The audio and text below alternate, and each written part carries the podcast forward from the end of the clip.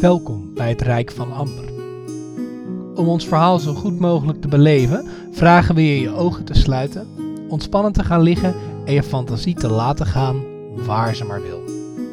Namens de cast en de makers wensen we je veel plezier met het Rijk van Amber.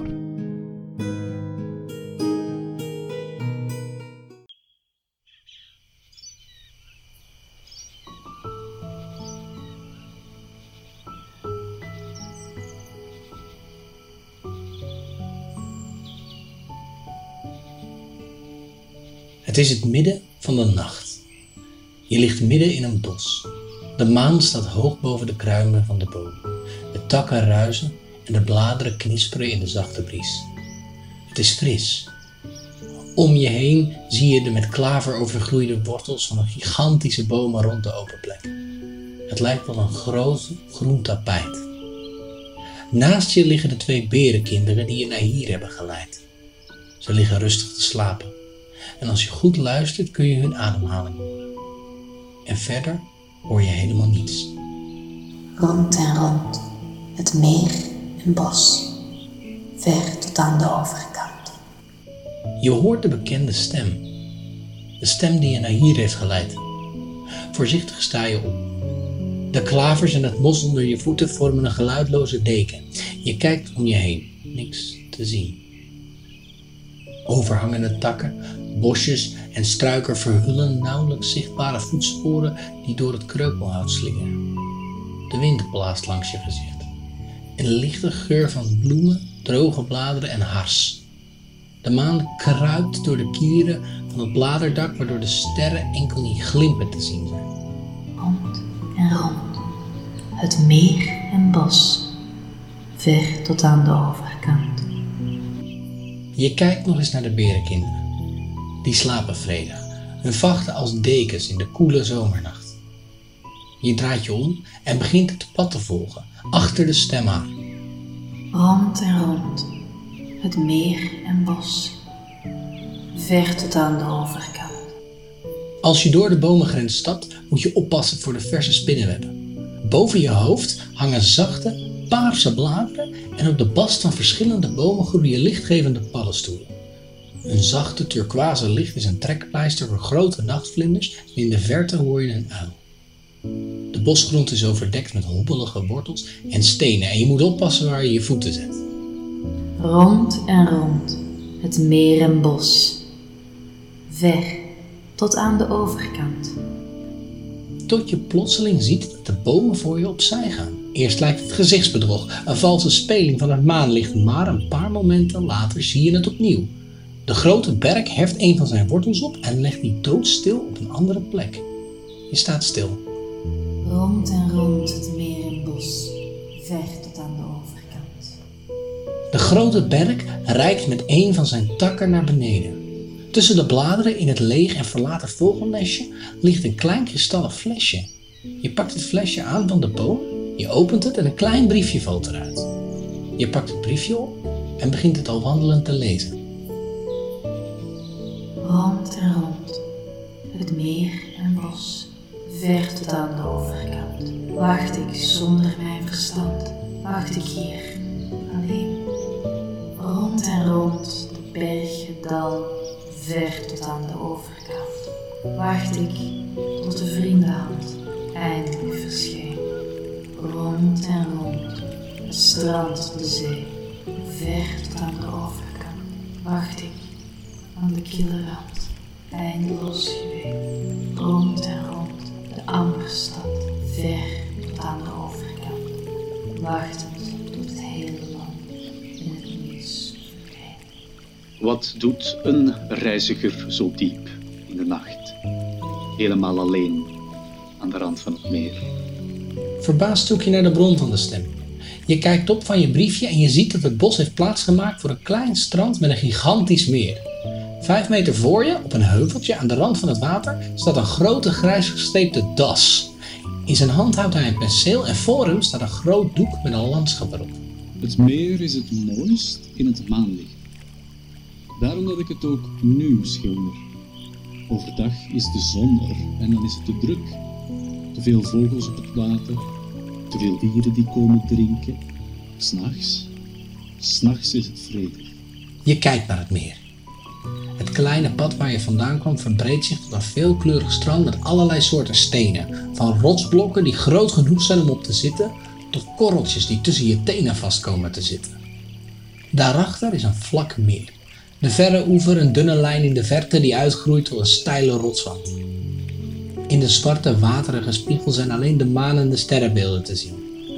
De stenen op het strand hebben net zoveel tinten bruin en grijs als er op het schilderspalet van de das zitten.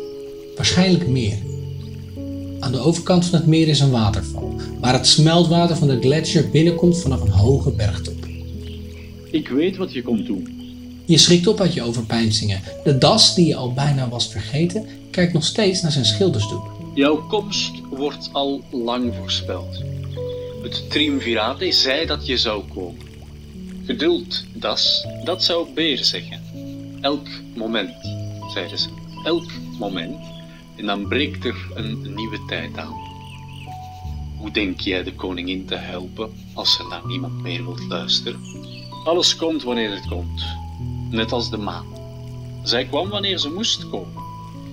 Alle komsten hebben hun tijd en hebben hun oorsprong. Rond en rond. Het meer en bos. Het begon in de tijd voor er mensen waren op het eiland. Nog voor de tijd van de mensen. De tijd waarin enkel wij, de dieren, op dit eiland woonden. En zelfs voor die tijd, toen zelfs de ouderen nog welpen en pups waren, daar is het begonnen. En rond. Het meer en bos. In die tijd, voor de mensen kwamen, was er geen dag en geen nacht. Enkel de zon stond aan de hemel. Het was een tijd waarin de dagen en de nachten elkaar liepen en de uil evenveel kon zien als de raaf. Iedereen sliep wanneer hij wilde en iedereen at wanneer ze wilde. Het was een mooie wereld waarin iedereen gelijk was. Maar na jaren van licht begonnen de problemen. De zon die altijd fel had geschenen, begon haar licht te dimmen. Door altijd maar te schijnen raakte ze uitgeput. Haar licht werd zwakker en zwakker tot uiteindelijk het woud in een permanente schemering terechtkwam. Zonder het licht van de zon groeide er niets. Dieren die normaal perfect zagen werden blind en bloemen die rekenden op warmte verwelkten in de kou. Het leek erop dat de zon binnenkort haar laatste stralen zou uitstralen. Niemand wist wat ze moesten doen. En zo kwam het dat de slimste onder de dieren, haas, uil, otter, op een dag bij elkaar kwamen onder de schaduw van de grote eik. Dit kan zo niet langer.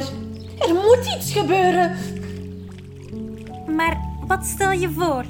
We kunnen moeilijk de zon vervangen, zelfs niet als we alle vuurvliegjes vragen.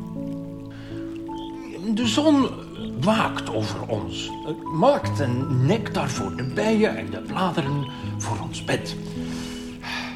De situatie is hopeloos. Maar de reuze otter, wiens fantasie nooit op de gebaande paden bleef, kwam met het wildste idee dat ze ooit hadden gehoord. Ik denk dat er maar één ding op zit. Ik denk dat de zon moet rusten. De haas en de uil lachten. De uil, eeuwig de praktische denker, had meteen een antwoord klaar. Dat, dat is onmogelijk, Otter. Wat doen wij als de zon rust? We kunnen niet zien. En, en, hoe gaat dat nieuwe leven eruit zien? Hè? Soms, soms in het donker, soms in het licht. En wie helpt het eiland hè? als de zon er niet is? Wie, wie beschermt de bloemen en de bomen? En, en de dieren die niet voor zichzelf kunnen zorgen? De vlinder of de wezel? Wie zegt me dat ze niet zullen verdwijnen in het donker? Ze kunnen verdwalen of, of verstrikt raken, vermissen, verdrinken in, in het water van het meer. En, en, en, Ik ze moet er kunnen nog ook... over nadenken. Ik weet dat er een oplossing moet zijn. Ik moet ze alleen nog vinden. Haas en uil keken elkaar aan. Geen van hen had een plan, een toekomst voor ogen. En dus legden ze hun vertrouwen bij Otter. Ze wisten dat Otter niet alleen een dromer was, maar ook heel slim. Otter liep naar de waterkant om na te denken. Ze kende de zon goed. Ze had immers altijd op haar geschenen en Otter wist zeker dat ze de zon kon overtuigen om achter de horizon te gaan liggen. Maar de woorden van uil en haas bleven haar achtervolgen. Verslagen dook Otter in het water.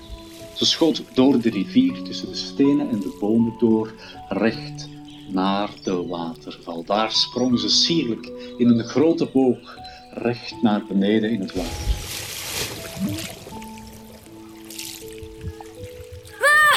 Dieven! Rustig, wasbeer.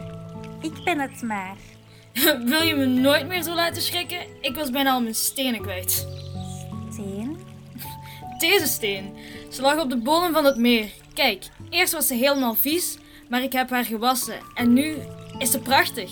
Je moet natuurlijk wel blijven wassen, want anders wordt ze dof. Maar dan heb je... Wat heb je dan? Wat ik dan heb? Wat een domme vraag.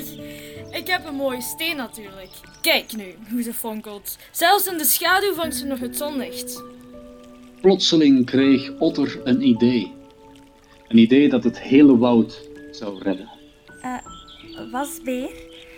Ik, ik heb die steen nodig. En ik twee extra armen om te wassen. Maar ja, we kunnen niet alles krijgen wat we nodig hebben. Nee, nee, je snapt het niet, wasbeer. Deze steen kan ons allemaal redden. Huh? Vertrouw je me? Niet echt. Je zei net dat je mijn steen wilde hebben. Geef me je steen en we zullen allemaal gered zijn. Wat doen jullie? Ik weet hoe we de zon kunnen laten rusten. El, jouw vleugels zijn het grootst en het sterkst van iedereen. Wil jij deze steen de lucht invliegen, zo hoog dat ze naast de zon komt te staan? Maar, maar, mijn steen! Op dat moment werd het donker.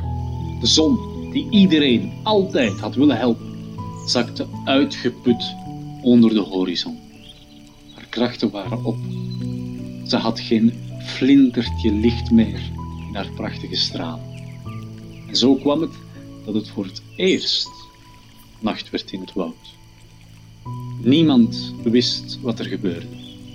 De krekels kraakten ongerust in het struikgewas, terwijl de vogels in de bomen zongen. Iedereen keek naar boven. Daar, in de hemel, glinsterde de steen van wasbeer. Zo goed was de steen gewassen dat zelfs het kleinste beetje licht van achter de horizon haar deed schijnen als een fakkel in het donker. Genoeg licht om het hele meer en het hele woud te verlichten en voor het eerst was er het maanlicht. Otter, Het is, het is prachtig. En zo is het nu nog steeds. Overdag schijnt de zon over het woud, vol liefde en passie. Wanneer de zon moe wordt, gaat ze liggen en verschijnt de maan. Elke maand haalt de uil de vuile stenen uit de lucht en wassen otter en wasbeer de maan aan de oevers van het meer tot ze blinkt. En elke nacht, na een dag van poetsen, hangen ze hem terug in de lucht. Het is geen perfect systeem. De maan is groot en ze krijgen haar niet in een dag gewassen. Daarom is de maan soms klein en soms groot. Maar het werkt. En niet alles hoeft perfect te zijn. Net als mijn schilderij, nota bene. Wacht ik zonder mijn verstand, wacht ik hier alleen. Rond en rond, het berg en dal, ver tot aan de overkant. Wacht ik tot de vriendenhand eindelijk verscheen. Rond en rond, de strand en zee, ver tot aan de overkant wacht ik aan de kille eindeloos geween. Rond en rond, de andere stad, ver tot aan de overkant. Wacht tot het hele land in het niets verdween. Dit was het meer, de maan en de schilder. de derde aflevering van Het Rijk van Amber. Het Rijk van Amber werd geschreven en bewerkt door Imre Spoor, met Nele van Mechelen als Omra, Tim Gijsens als Das, Ben Verhoeven als Uil, Marieke Mandenmakers als Haas, Dagmar de Vos als Otter en Britney Brands als Wasbeer. Muziek door Alexander Nakarada en Peter Helland. Voor meer over de wereld van het Rijk van Amber kan je ons volgen op Instagram het Rijk van Amber. Het Rijk van Amber is een podiumbased productie uit 2020.